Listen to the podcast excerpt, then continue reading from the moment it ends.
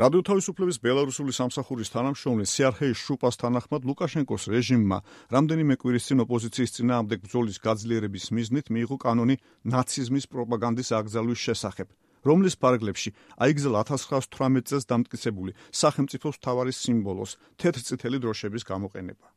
ხოლო მასობრივი არეულობის ბრალდებით მკაცრი სისხლის სამართლის სასჯელი შეიძლება დაემუქროს რეჟიმისათვის მიუღებელ ნებისმიერ ოპონენტს. სამართალდამცველებისათვის უფრო ზუსტად კი რეჟიმის დამცველი ძალოვანი უწყებებისათვის მინიჭებული უფლება, რომ საბრძოლო და სპეციალური ტექნიკის გამოყენებით დაშალონ საპროტესტო აქციები, ალექსანდრ ლუკაშენკოს მიერ ხელმოწერილ მორიგ ანტირევოლუციურ საკანონმდებლო ინიციატივას წარმოადგენს.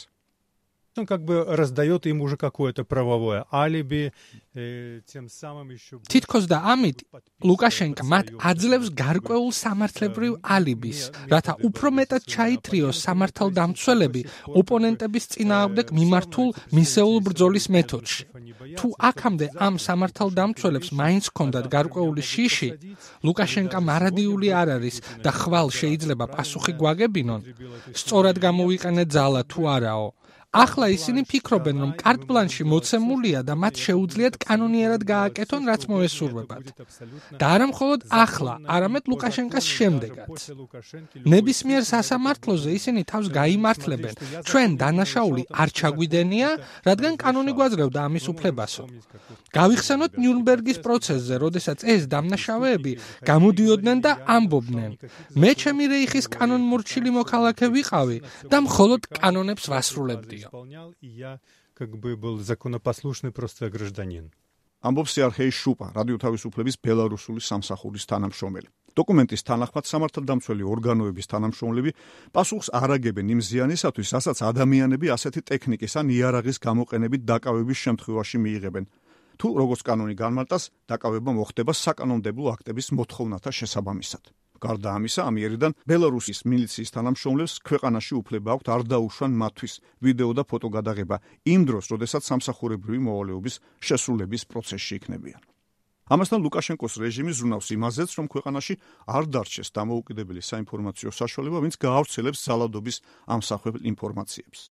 18 მაისს ბელარუსში სამართალდამცველებმა უდიდესი პორტალის სტუდბაის თანამშრომლების სახლებსა და ასევე რედაქციის ოფისში ჩაატარეს ჩხრეკა.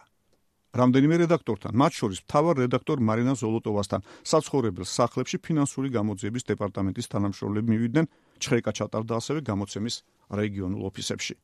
ამის შემდეგ, როგორც ტუტბაი უწება კავშირზე აღარ გამოსულა სხვადასხვა გამოცემის რამდენიმე ჟურნალისტი და ფოტოგრაფი, რომლებიც ოფისთან მივიდნენ. Да, происходит тотальная зачистка информационного поля. Я уже не говорю, что, скажем, сайт радио Свобода. ეს ნიშნავს, რომ მიმდინარეობს საინფორმაციო სივრცის ტოტალური მოსუფთავება.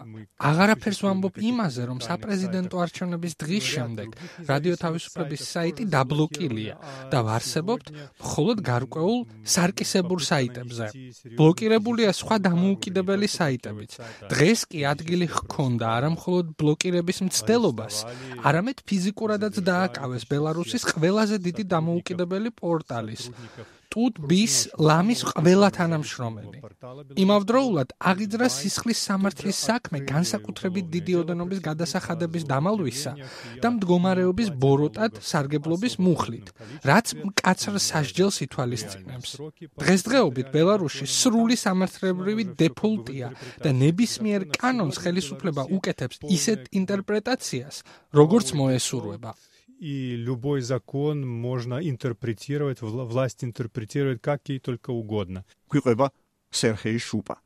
მოგვიანებით ბელარუსის ფინანსთა სამინისტრომ განაცხადა, რომ ტუტბაი დაბლოკილია რიგ პუბლიკაციაში, კანონით აკრძალული ინფორმაციისა და მასობრივი ინფორმაციის შესახებ კანონის მრავალხვევი დარღვევის გამო. დამოუკიდებელი პორტალი ტუტბაი ერთ-ერთი ყველაზე პოპულარული ინტერნეტ რესურსია ბელარუსში. მას ყოველთვიურად დაახლოებით 20 მილიონი მომხმარებელი სტუმრობს, რომელთაგან 70% ბელარუსის 25-დან 44 წლამდე ასაკის მოქალაქეები არიან. პორტალი დიდ უკმაყოფილებას იწვევს ბელარუსის ხელისუფლებაში, რომელიც სულ ცდილობს, რომ ან დახუროს ეს ინტერნეტ რესურსი, ან ლუკაშენკოს მომხრედ აქციოს.